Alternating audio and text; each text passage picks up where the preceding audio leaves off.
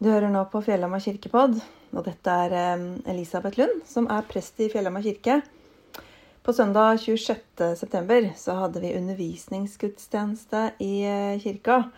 Og da underviste jeg om det som var søndagens eh, prekentekst. Det var 18. søndag i treenighetstiden, og prekenteksten var fra Matteusevangeliet.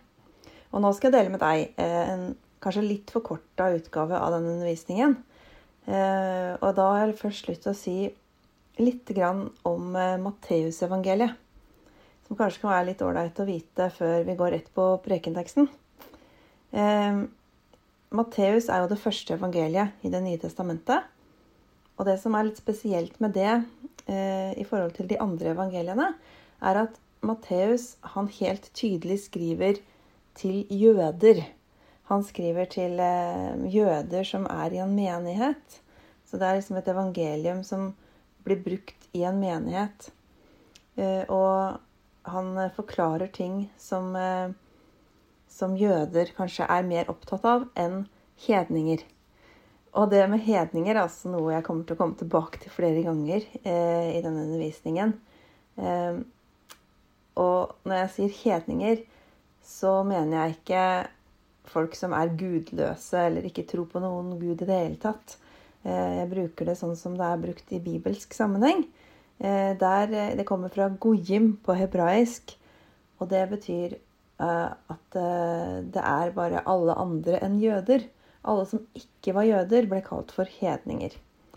Så det er det jeg mener med hedninger fra nå av. Matteus, han skrev jo til jøder. Og det ser vi bl.a.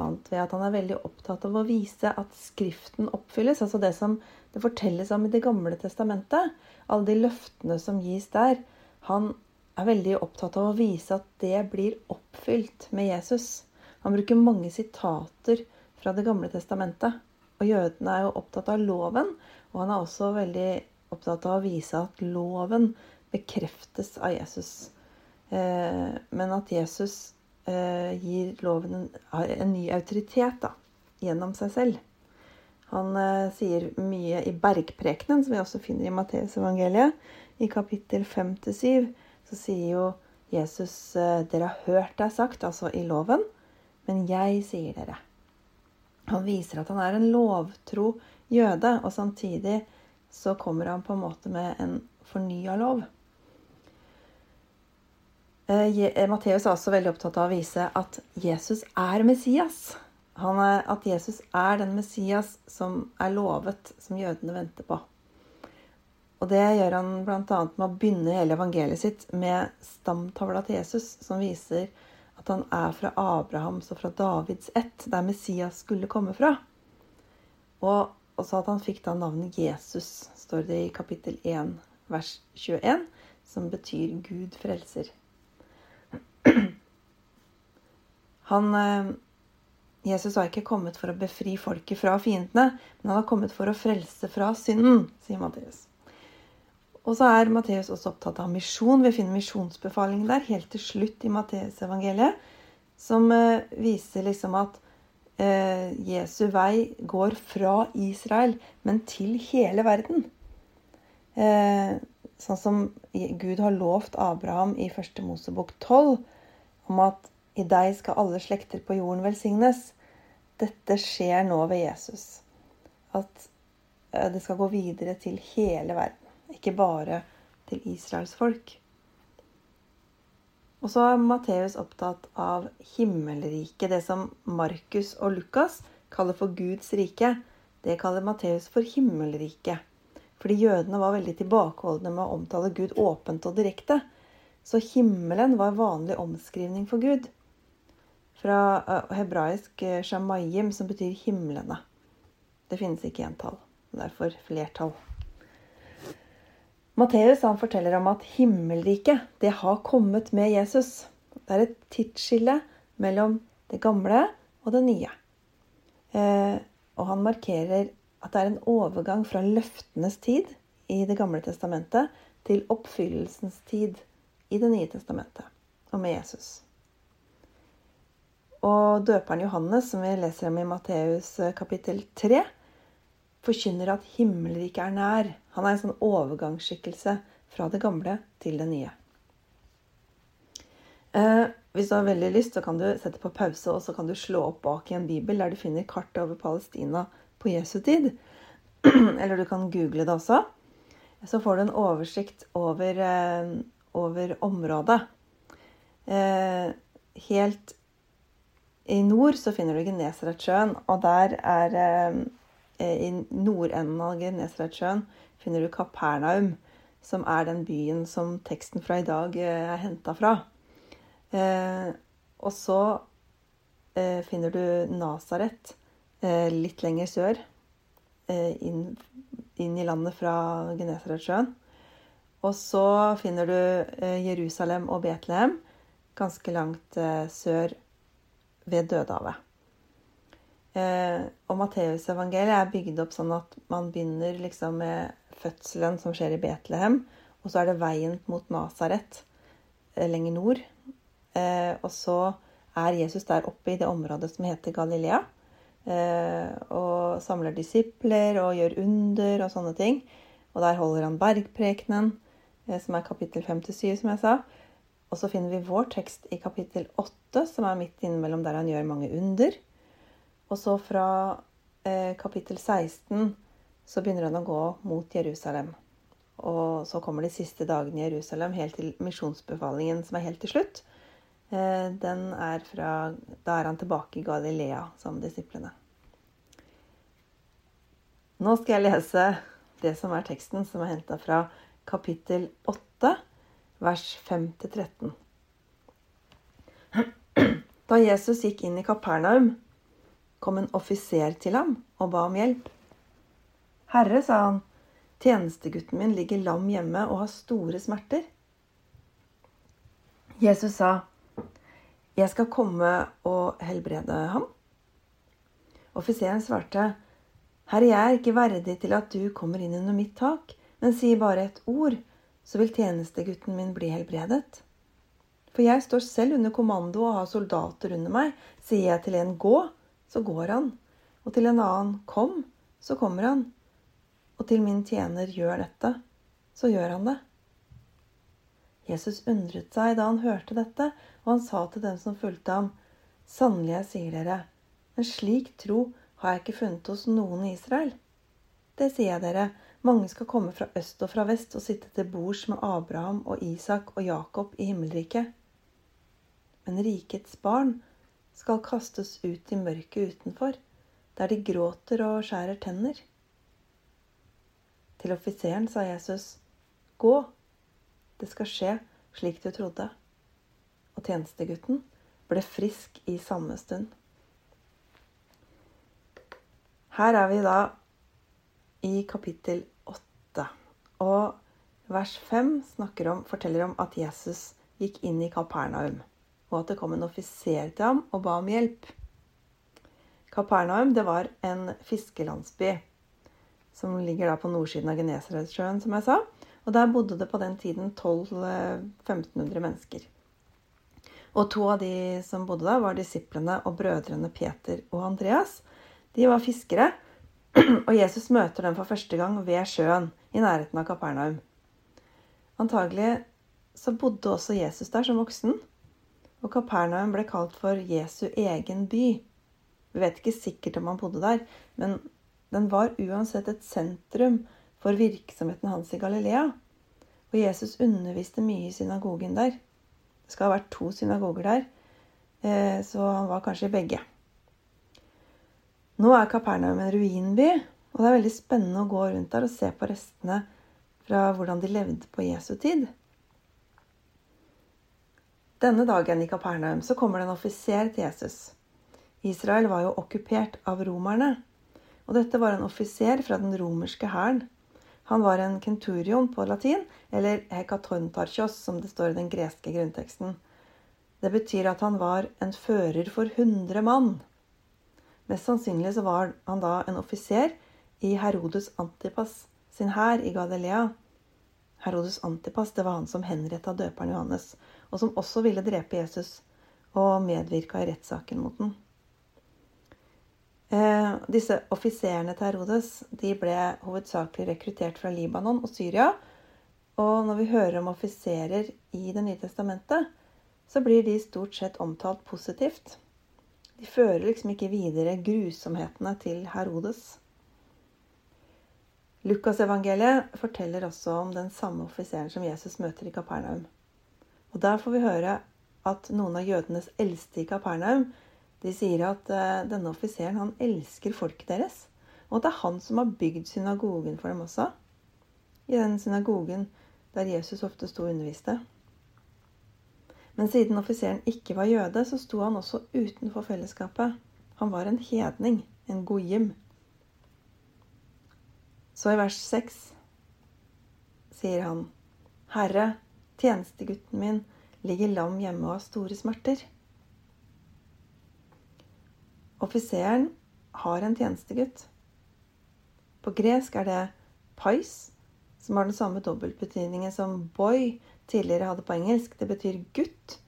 Men det ble også tidligere brukt en, eh, om en innfødt tjener, eller slave, i britiske kolonier.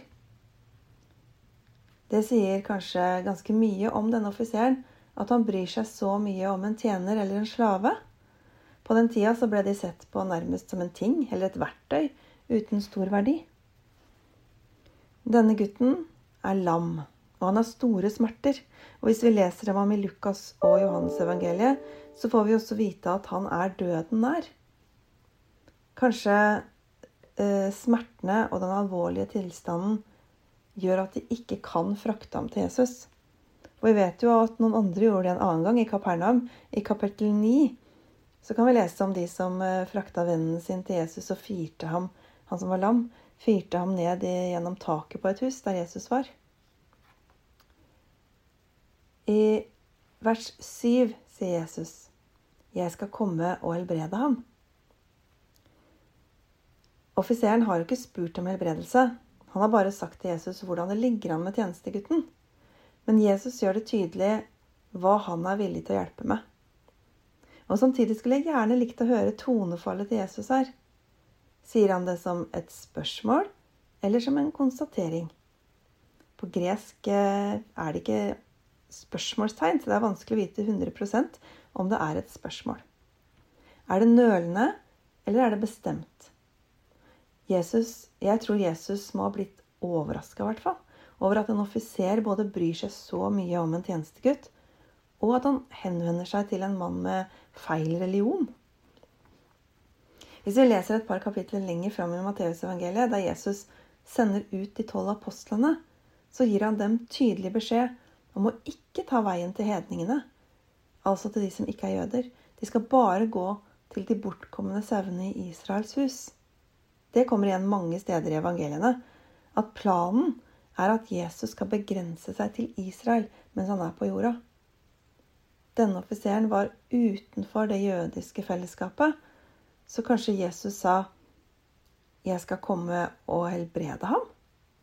For Jesus gikk ikke bare utenom planen om han ble med denne offiseren hjem. Han risikerte sitt gode navn og rykte, for jøder skulle ikke omgå sedninger. Eller kanskje det var et spørsmål for å høre om det var det offiseren ville, at Jesus skulle komme og helbrede tjenestegutten. Uansett så er Jesus tydelig villig til å hjelpe. Offiseren svarer, 'Herre, jeg er ikke verdig til at du kommer inn under mitt tak.' 'Men si bare ett ord, så vil tjenestegutten min bli helbreda.' Det er vers 8. Det er tydelig at selv om offiseren har en høy stilling og representerer de som har makt i landet, så er han klar over at han er uren i møte med Jesus som jøde. Han vil ikke at Jesus skal gjøre seg kultisk uren ved å gå inn i huset til en hedning. Det å være utenfor, det er aldri enkelt. At noen er fremmed eller annerledes, det er noe vi fort kan bruke for å skyve folk fra oss. Men Jesus handler annerledes. Han ser rett gjennom de ytre tingene, som vi fort henger oss opp i. Han ser troa hos han som kommer og ber om hjelp. Jesus ser det som bor i hjertet. Han bryter ned stengsler som vi mennesker setter opp for hverandre. Han ser mennesket, og han hører den enkle bønnen. Sånn var det den gangen, og sånn er det nå også. Jesus har akkurat det samme blikket og det samme hjertet for oss. Og så syns jeg det er litt fint at akkurat denne bønnen som offiseren kom med, også lever videre. I den katolske messen så er det en fast del av nattverdliturgien. Litt omgjort. Så er det, er det en menighetssvare før utdelingen av nattverden. De sier, Herre, jeg er ikke verdig at du går inn under mitt tak, men si bare ett ord, så blir min sjel helbredet. Og i nattverden kommer jo Jesus inn under vårt tak. Han kommer inn i livet vårt. Og vi viser at vi tror ved å åpne hånda og munnen og ta imot. Offiseren har en utrolig sterk og enkel tro på at Jesus har stor makt. At det Jesus sier, det vil skje. I vers 9 sier han For jeg står selv under kommando og har soldater under meg. Sier jeg til en gå, så går han. Og til en annen kom, så kommer han. Og til min tjener gjør dette, så gjør han det. Da Eivind, mannen min, var ung nok til det, så var han fenrik i Heimevernet. Og da han kom hjem fra øvelser, så ga han meg av og til veldig korte og presise beskjeder om hva jeg skulle gjøre. Han likte, eller kanskje liker fortsatt, litt den militære måten å kommunisere på. Han hadde litt vanskelig for å legge det av seg sånn med en gang han kom hjem. Jeg må innrømme at jeg liker bedre å snakke sammen med litt flere ord, og på en litt hyggeligere måte, kanskje. Men samtidig så skjønner jeg at de korte, presise meldingene som brukes i militæret, er viktige der. Offiseren i Kapernaum han var vant til å kunne gi sånne beskjeder. Og da kunne han regne med at ordren ble utført. Han var en som ble sett på som sterk. Han tilhørte de romerske okkupasjonsmaktene og hadde makt til å gi andre ordre. Men nå, i møte med denne vonde og farlige sykdommen, er han maktesløs. Han kan ikke kommandere den bort, for det er utenfor hans kontroll. Og så kommer han til Jesus, ikke som en offiser som gir kommando, men som en bekymret mann som har omsorg for tjenestegutten sin. Han kommanderer ikke Jesus til å hjelpe, men han forteller ham bare hvordan situasjonen er, og hva han tror at Jesus kan gjøre. Han kommer til Jesus med sårbarheten sin, og han innrømmer at han trenger hjelp. Hvorfor er det så ofte så vanskelig å be om hjelp?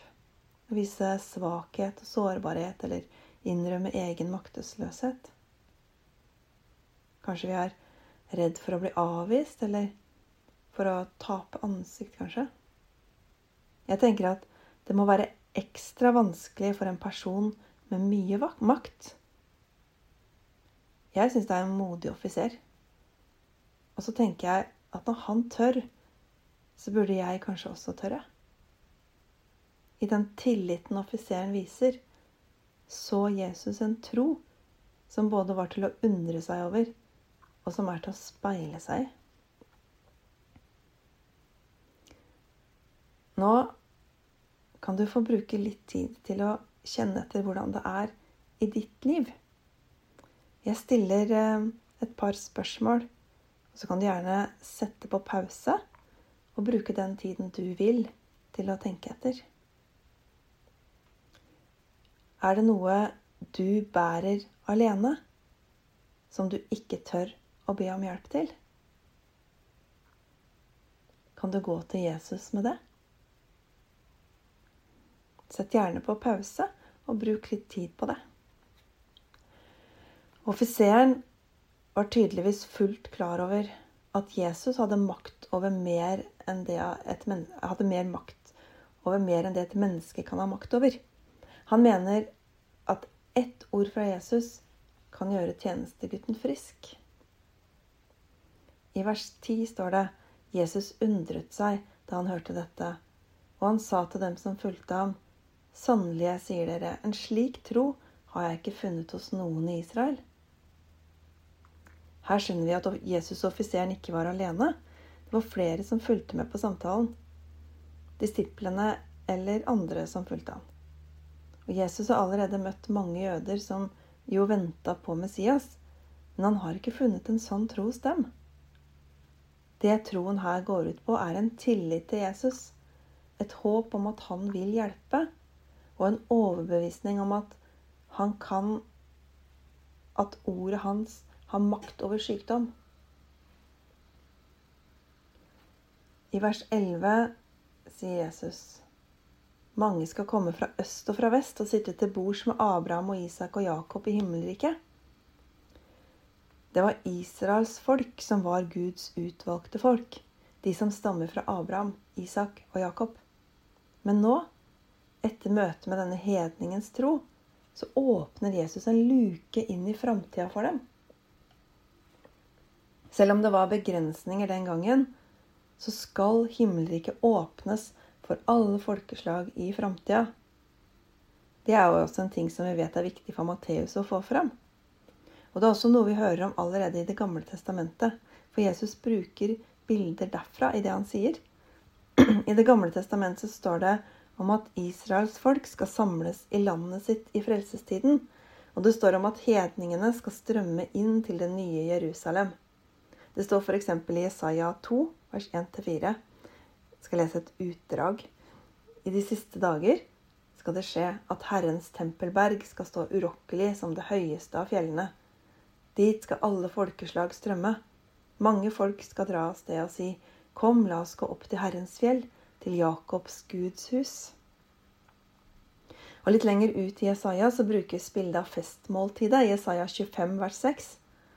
På dette fjellet skal Herren over hærskarene gjøre i stand for alle folk et festmåltid med fete retter, et festmåltid med gammel vin. I det Jesus sier, så kombineres disse to bildene på himmelrikets fullendelse. Men samtidig så er det fortsatt Abraham, Isak og Jakob som er verter eller hedersgjester. Himmelriket er bestemt for Guds utvalgte folk. Det er de Jesus kommer til først.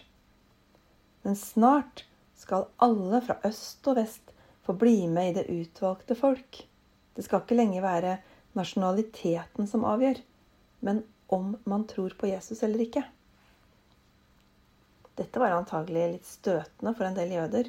For det uttrykket fra øst og vest det brukes i Det gamle testamentet om når Gud samler sitt eget folk i landet, i Israel. Så når Jesus nå bruker det om alle andre folk også, så er det ikke sikkert alle likte det så godt. Heller ikke at deres stamfedre liksom skulle ta imot alle sammen. Og så sier Jesus, nå blir det enda verre, i vers 12. Men rikets barn skal kastes ut i mørket utenfor, der de gråter og skjærer tenner. Det å bli kasta utenfor, det er et uttrykk for Guds dom. Og for israelittene den gangen så var de selv alle innenfor, mens alle andre var hedninger. Hedningene var utenfor, og til og med urene. Nå rister Jesus kraftig i Israels hus. Alt de trodde på, blir rykka bort under føttene på dem. Plutselig er det rikets barn som er utenfor. Her er det nok snakk om det vi kaller fortapelsen, et sted der Gud ikke er, og der det ikke finnes trøst. Matteus bruker ofte uttrykket 'der de gråter og skjærer tenner' om dette. Et sted uten Gud, uten kjærlighet. Dette er skarpe ord om at himmelriket tilhørte Israels folk, men det skal lukkes for dem når de ikke vil ta imot kongesønnen, altså den salvede Messias. Guds utvalgte folk er nå et nytt folk. Det er et folk av de som tror på Jesus, på Messias. Vers 13, der sier Jesus eh, til offiseren.: Gå, det skal skje slik du trodde. Og tjenestegutten ble frisk i samme stund. Så kommer kontrasten i hvordan Jesus møter en som tror. Han får beskjed om at det han trodde var mulig, det vil skje. Og tjenestegutten blir frisk uten at Jesus trenger å flytte på seg engang. Men Jesus har likevel flytta seg. Han har gått utenfor den opprinnelige planen og hjulpet en hedning. Og vi vet at han gjør det igjen i Matteus 15, da han hjelper den kanoneiske kvinnen som vil at Jesus skal hjelpe datteren hennes og denne historien ligner litt på den vi hører i dag. Til henne så sier Jesus, Kvinne, din tro er stor, det skal bli som du vil. Og datteren blir frisk i samme stund. Det er først etter at Jesus har stått opp fra de døde, at disiplene blir sendt til hedningene i Matteus 28, misjonsbefalingen. Gå derfor og gjør alle folkeslag til disipler. Men denne offiseren og den kanadiske kvinnen er de første tegnene på at troen er i ferd med å sprenge rammen rundt det utvalgte folket. De var de første av oss, på en måte, av oss hedninger. Og etter oppstandelsen så har mange millioner av mennesker opp gjennom historien tatt imot Jesus. Og vi har blitt en del av historien om at alle er invitert. Alle som venner seg til Jesus og tar imot Han, er en del av himmelriket, av fellesskapet rundt Jesus. Til slutt så vil jeg si litt om dette med under og helbredelse. I disse historiene fra Matteusevangeliet så hører vi om to mennesker som viser en sterk tro, og som kanskje derfor får det de ber om. Likevel så blir det ikke riktig å trekke slutningen at hvis vi tror sterkt nok, så vil vi få helbredelse. Det som var spesielt med det som skjedde den gangen, det var egentlig at Jesus tok dem inn i fellesskapet fordi de trodde på ham. Helbredelsen er en omsorgshandling, men den viser også tydelig at nå er vi i en annen tid. Nå er det troen, og ikke den slekta du er født inn i, som markerer hvor himmelriket er. Vi leser jo om mange under i evangeliene. Om både helbredelser og andre ting Jesus gjorde som er utenfor det et menneske kan. Som å gå på vannet, f.eks. Men samtidig så var det meste av det han gjorde, det var egentlig innenfor det vanlige mennesker gjør. De fleste gangene han skulle ut på vannet, så brukte han båt. Jesus bruker aller mest vanlige ting i dag også. Vi kan be om helbredelse når, er, når noen er syke, og noen ganger så får vi faktisk oppleve at det skjer. Enten på en måte som legene kan forklare, eller at det er uforståelig for dem. Men Jesus har ikke lovet oss at vi ikke skal bli syke, selv om vi tror. Han har heller ikke lovet oss at vi ikke skal dø. Alle som ble helbreda den gangen han gikk rundt på jorda, de døde til slutt. Og vi vet alle at vi også skal dø. Det vi kan stole på, det er at Jesus alltid vil være hos oss. Gjennom livet, gjennom sykdom og gjennom døden. Han vil gå inn under vårt tak. Og han ser oss. Han ser hva vi bærer på, hva vi ber om hjelp til, og hva vi trenger hjelp til selv om vi ikke ber om det. Så kan vi kanskje midt i alt som både er godt og som er vondt i livet, få tro på at himmelriket er nær.